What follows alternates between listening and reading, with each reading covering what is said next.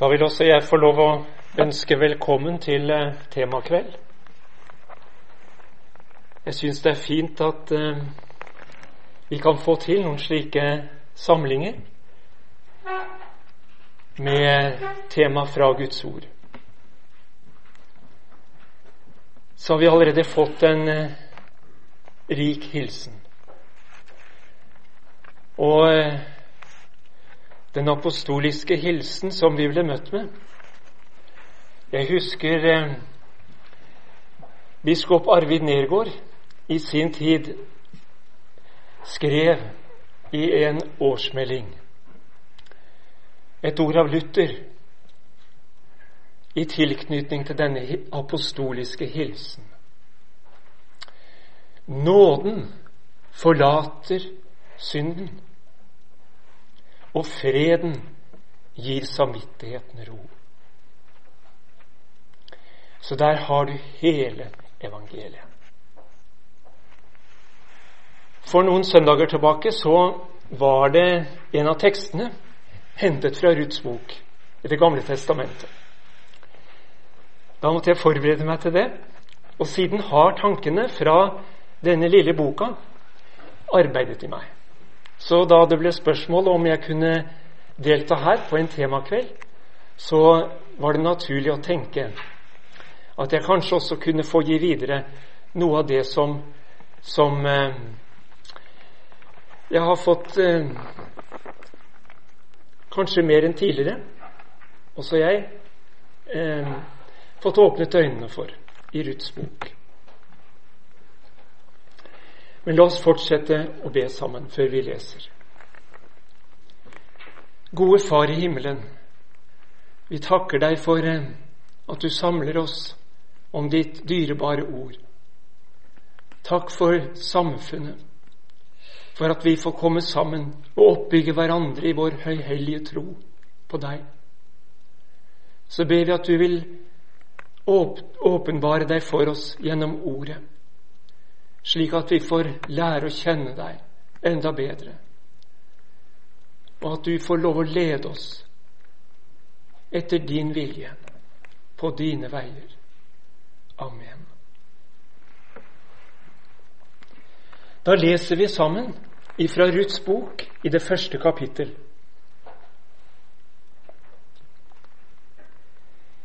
Vi leser fra vers seks. Noomi brøt opp fra Moab med svigerdøtrene sine og dro hjem igjen. For mens hun var i Moab, hadde hun hørt at Herren hadde tatt seg av sitt folk og gitt det brød. Hun dro bort fra stedet hvor hun hadde bodd, og de to svigerdøtrene fulgte henne. Da de var kommet et stykke på veien hjem til Juda, sa Naomi til sine to svigerdøtre.: Snu nå og dra hjem igjen, hver til sin mors hus. Måtte Herren være trofast mot dere, som dere har vært mot de døde og mot meg. Måtte Herren la dere begge få mann og hjem. Så kysset hun dem. De brast i gråt og sa til henne, Nei, vi vil følge deg tilbake til ditt folk. Men Noomi sa, Vend tilbake, mine døtre. Hvorfor vil dere være med meg? Har jeg kanskje ennå sønner i vente som dere kunne få til menn? Snu og dra hjem igjen, mine døtre. Jeg er jo for gammel til å bli gift, og om jeg tenkte, jeg har ennå håp, ja, om jeg allerede i natt fikk en mann og så fødte sønner, skulle dere da vente til de ble voksne? Skulle dere stenge dere inne og leve uten menn? Nei, mine døtre, jeg har inderlig vondt av dere, nå da Herrens hånd har rammet meg så hardt. Da begynte de å gråte igjen, og Orpa kysset sin svigermor til avskjed. Men Ruth ville ikke skilles fra henne. Da sa Noomi, du ser din svigerinne har vendt tilbake til sitt folk og sin Gud. Snu du også og følg henne. Men Ruth svarte, du skal ikke overtale meg til å skille lag med deg og dra hjem igjen. For dit du går, vil jeg gå, og der du bor, vil jeg bo. Ditt folk er mitt folk, og din Gud er min Gud. Der du dør, vil jeg dø, og der vil jeg begraves. Måtte Herren la det gå meg ille både nå og siden, om noe annet enn døden skiller meg fra deg. Da Naomi så at hun var fast bestemt på å følge henne, sa hun ikke mer til henne. Så gikk de to videre til de kom til Betlehem. Vi kjenner kanskje historien. Det som fortelles i Ruths bok, det hendte på den tid da dommerne styrte i Israel, står det i det første verset i boken. Da er vi altså en 1100-1200 år før Kristus. Dommertiden, det var jo den tiden etter at Josva hadde ført folket inn i Kanan. Da står det at etter at Josva var død, og de gamle som hadde sett Herrens gjerninger, så vokste det opp en ny generasjon som ikke kjente Herren.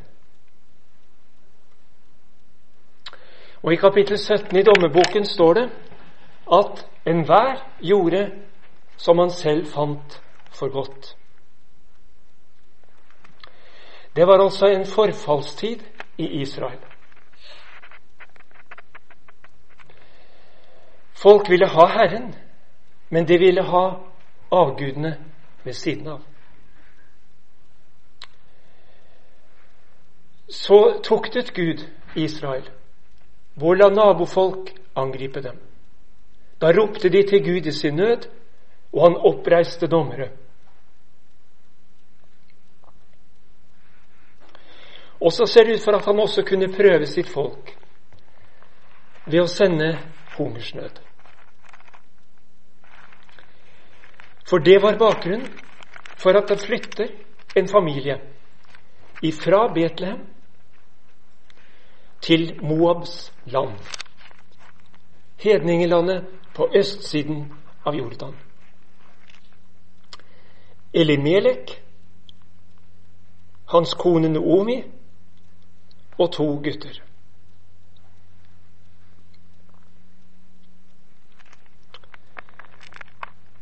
Og så kan vi tenke oss der i Moab, hvor Ruth bodde.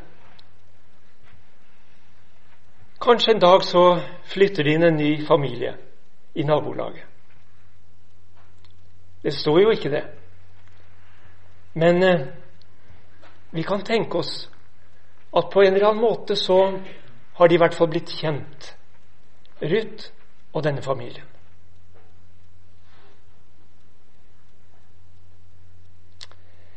Kanskje vokste Ruth opp sammen med disse guttene fra Betlehem.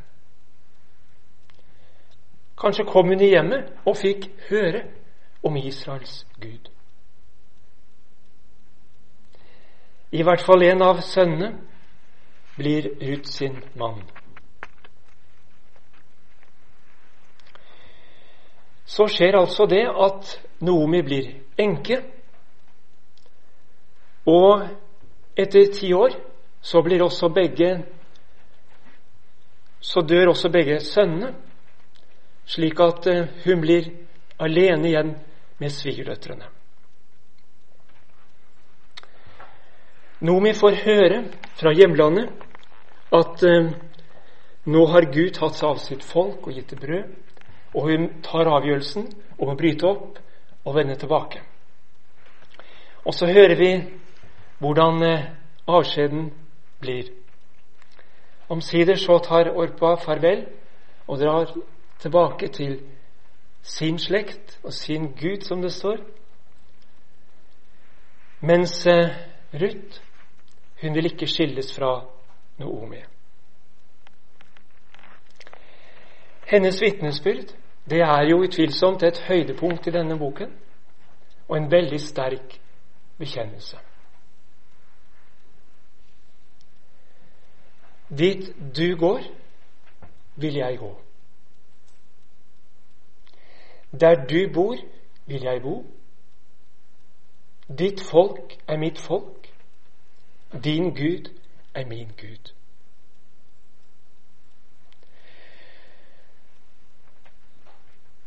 Og jeg tror vi kan ha lov å tenke at det Ruth her sier, det er ikke bare en en troskap mot Noomi, men det er mot eh, den Gud som hun tror på, det folk hun hører til. Og vi kan se også det i lys av den nye pakt. For Bibelens Gud er jo én. I Romerbrevet kapittel 15 der står det alt som før er skrevet. Det er skrevet for at vi skal lære av det. Vi skal ha håp ved den tålmodighet og den trøst som Skriftene gir.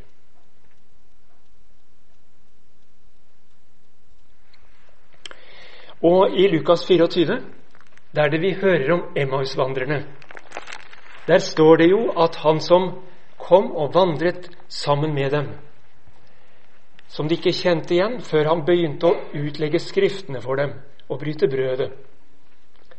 Det står at Jesus, han begynte å utlegge Skriftene fra Moses av. Alle Skriftene står det fra Moses av og, og hos profetene. Vi skal vel ikke presse det verset slik at det nødvendigvis må være alle Det gamle testamentets bøker Jesus var innom der i den bibeltimen. Men eh, Ruths bok Når vi leser den, så får vi også se at her er det en bok som peker framover mot Jesus. Det blir tydelig når Noomi og Ruth når fram til Betlehem.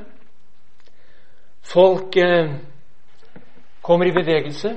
Det blir oppstyr.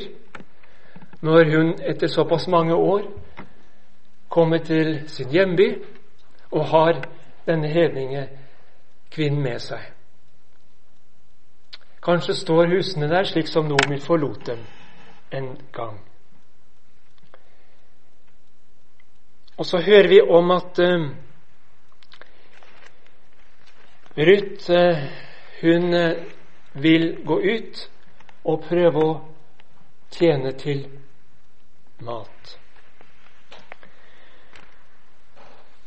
Hun eh, finner en åker hvor hun får plukke korn etter høstfolkene.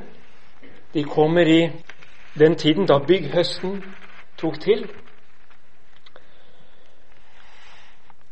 Det traff seg slik, sier bibelteksten, at den åkeren som hun samlet aks på, tilhørte Boas. Og vi aner vel at det var en som styrte også det.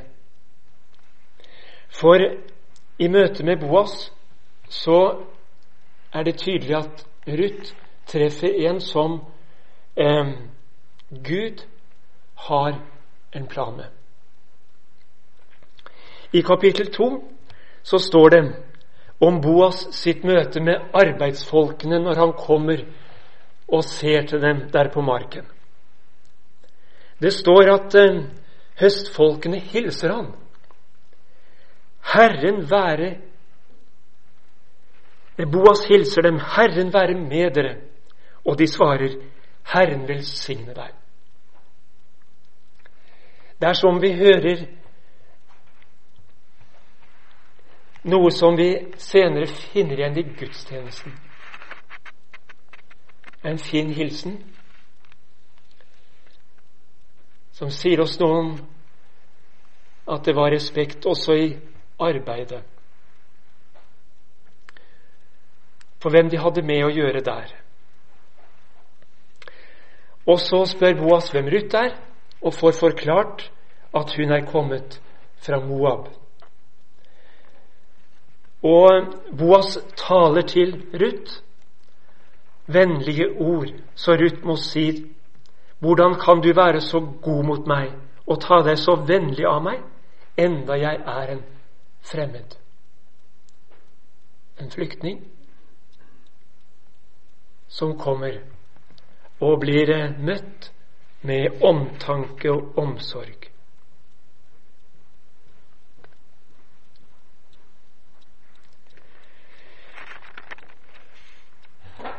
Nomi, hun får høre at Ruth har vært våken til Boas, og forklarer henne at han er en av som hører til mannens slekt. Derfor er han en løsningsmann som også har et ansvar for dem.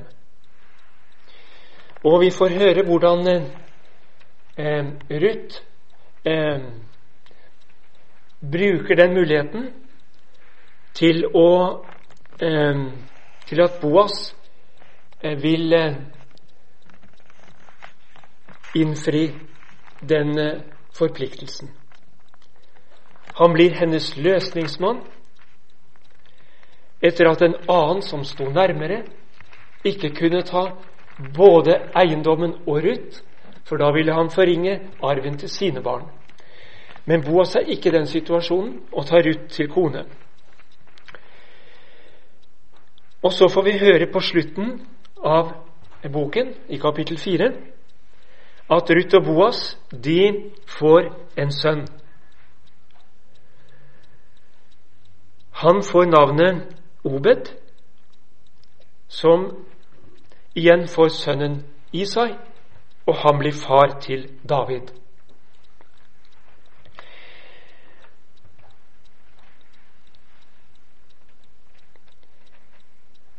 Vi ser altså hvordan en hedningekvinne kommer inn i den slektslinjen som også blir familien for der Messias skal gå ut fra.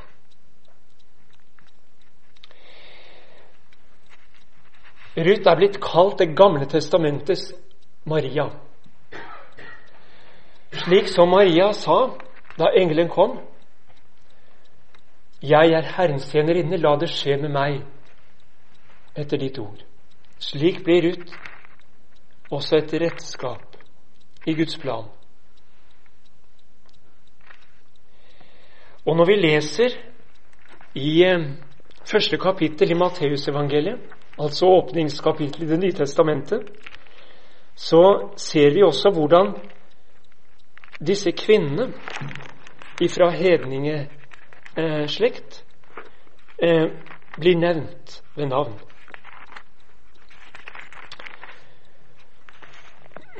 Der står det Salmon fikk sønnen Boas med Rahab. Det er altså skjøgen Rahab ifra Jeriko, som ble spart da Israel skulle innta Jeriko, og Rahab skjulte speiderne og hjalp folket.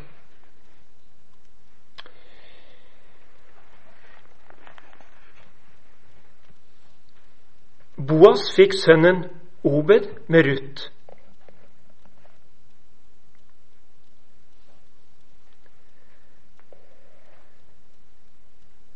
Og før det står det også at Juda fikk sønnene Peres og Sara med Tamar. Tamar var også en skjøge. Juda eh, slekt eh, blir altså her nevnt ved navn. Som den slekten som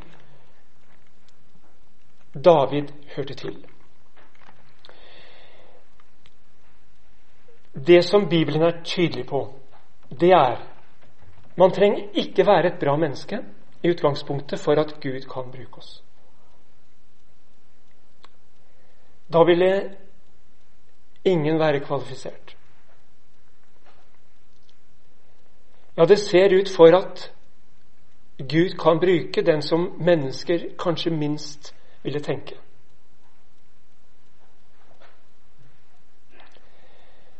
Eh, Det sier også Det nye testamentet. Paulus, med sin fortid, som kaller seg den største av alle syndere. Jesu disipler med Peter, som fornektet. Den samaritanske kvinnen. Sakkeus. Vi kan nevne dem på rekke og rad. Men det som er felles, det er at i møte med Jesus så får de en ny retning. Den som har kommet til ham og fått syndenes forlatelse, kan bli brukt av Gud.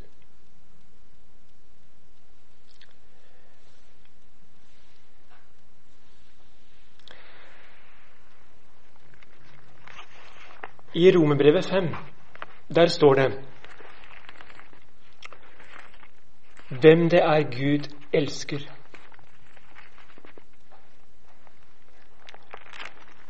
Da vi ennå var skrøpelige, døde Kristus til fastsatt tid for ugudelige. De som lever uten Gud, er Kristus død for. Så står det Gud viser sin kjærlighet til oss ved at Kristus døde for oss da vi ennå var syndere,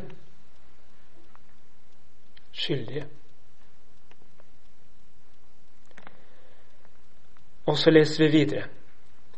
Da vi ennå var Guds fiender, ble vi forsonet med ham ved hans sønns død. Slike er det Gud elsker og tar seg av og kan bruke i sin tjeneste.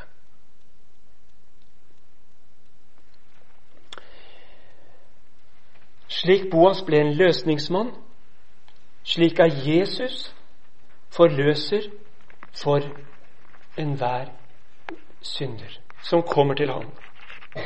Jesaja 43.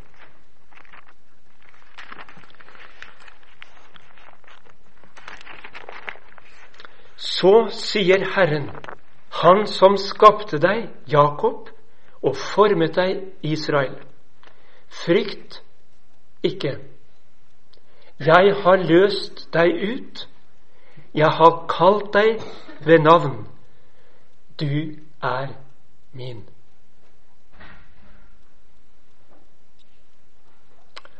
Og i første Korinterbrev 1 står det om Kristus. Han er vår visdom fra Gud, vår rettferdighet, vår helliggjørelse, vår forløsning.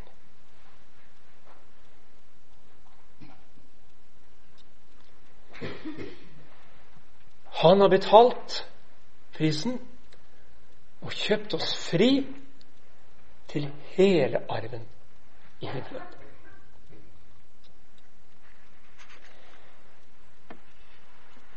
I møte med mellom Ruth og Boas så sier Boas til henne Herren lønne deg for det du har gjort. Måtte du få fullt vederlag fra Herren Israels Gud når du nå er kommet til ham for å finne ly under hans vinger.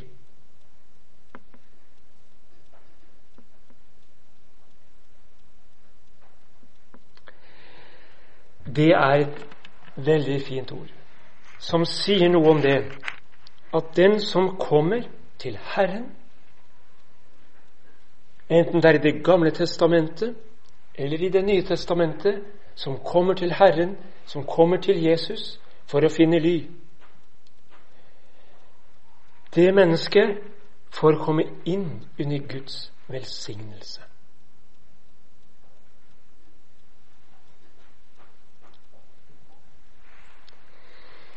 I Salme 36 står det Herre, til himmelen rekker din miskunn. Din trofasthet når til skyene. Din rettferdighet er som mektige fjell. Som det store havdyp er dine dommer.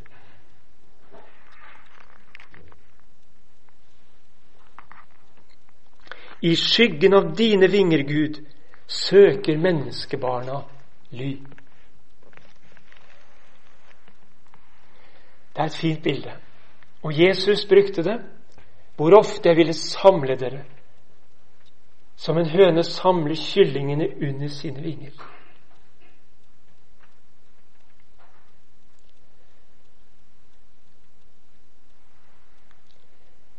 Det er Guds hjertelag som elsker syndere og vil at alle skal bli berget.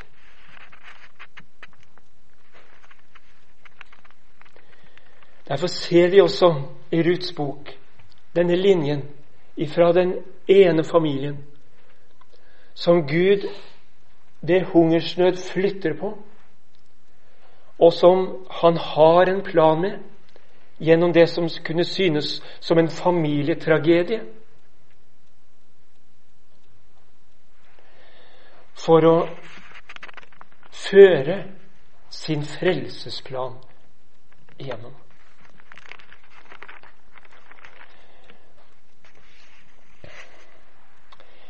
Da Noomi kommer tilbake til Betlehem, og folk hilser henne,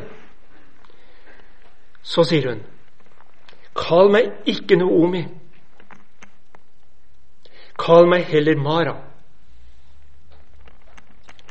Noomi betyr yndig, står det i fotnoten. Mara betyr bitter. For den allmektige har gjort livet meget bittert for meg. Jeg var rik da jeg dro bort. Herren har latt meg komme fattig tilbake. Hvorfor kaller dere meg Nomi, når Herren har vitnet mot meg, når Den allmektige har ført ulykke over meg?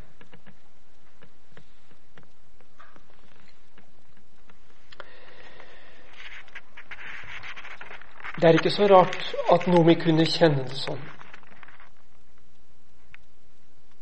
Når hele familien hennes var revet bort, og hun har svigerdatteren igjen.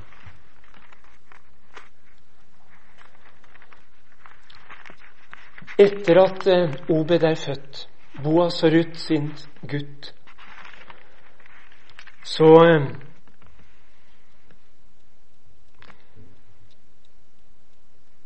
sier folk til Nomi. Lovet være Herren, Han som ikke lot deg mangle en løsningsmann. Måtte denne sønn bli navngitt i Israel. Han skal gi deg ny kraft og sørge for deg i alderdommen. Din svigerdatter har født ham, hun som er så glad i deg, og som er mer verdt for deg enn sju sønner. Så tok Nomi gutten og la ham på fanget sitt, og hun ble hans fostermor.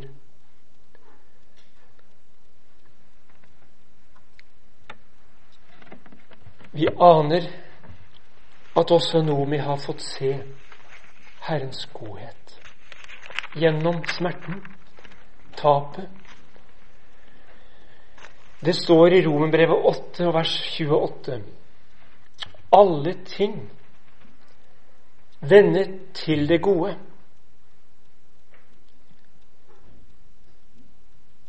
For dem som elsker Gud.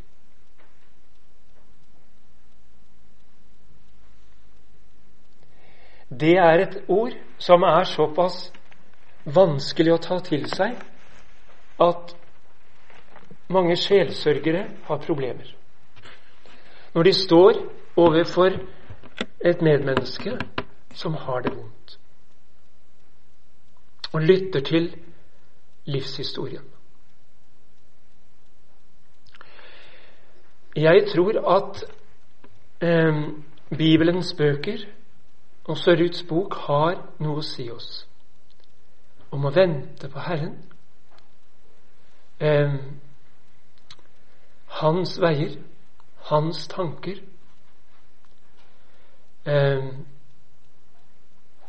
Kanskje i ettertid så er det som om Gud har noe å si oss.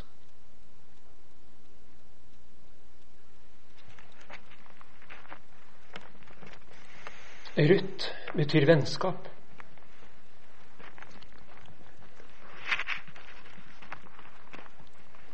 Jeg tror boken sier oss noe om at midt i alt vi møter, så skal du få lov å holde fast ved at Gud er din venn. Han er ikke din fiende, slik som Nomi kunne oppleve det.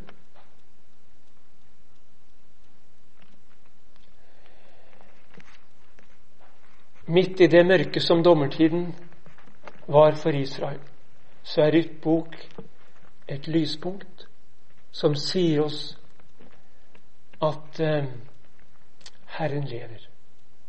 Han våker over sitt folk. Og jeg tror Ruths bok innbyr oss til å følge Ruth i det vitnesbyrd som hun gir. At vi vil følge Herrens vei og gå på den. Vi vil si ja til Herren som vår Gud, også når vi ikke forstår Ham. Vi vil holde oss til Guds folk, selv om det er det prøvede folket i verden i dag. Hvorfor skal de ramme så hardt, alle de kristne i Syria? Vi forstår det ikke. Men vi må komme sammen. Vi er Guds familie på jorden. Vi skal hjelpe hverandre på troens vei. Ingen må få stå alene, må gå alene. Vi er brødre og søstre. Vi har en far.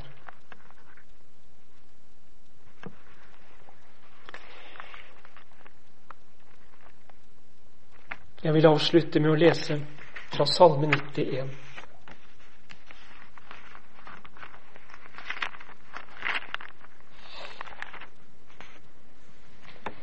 Den som sitter i den høyestes ly og bor i den allmektiges skygge. Han sier til Herren, min tilflukt og borg, min Gud som jeg setter min lit til. Han dekker deg med sine fjær, under hans vinger finner du ly. Hans trofasthet er skjold og vern.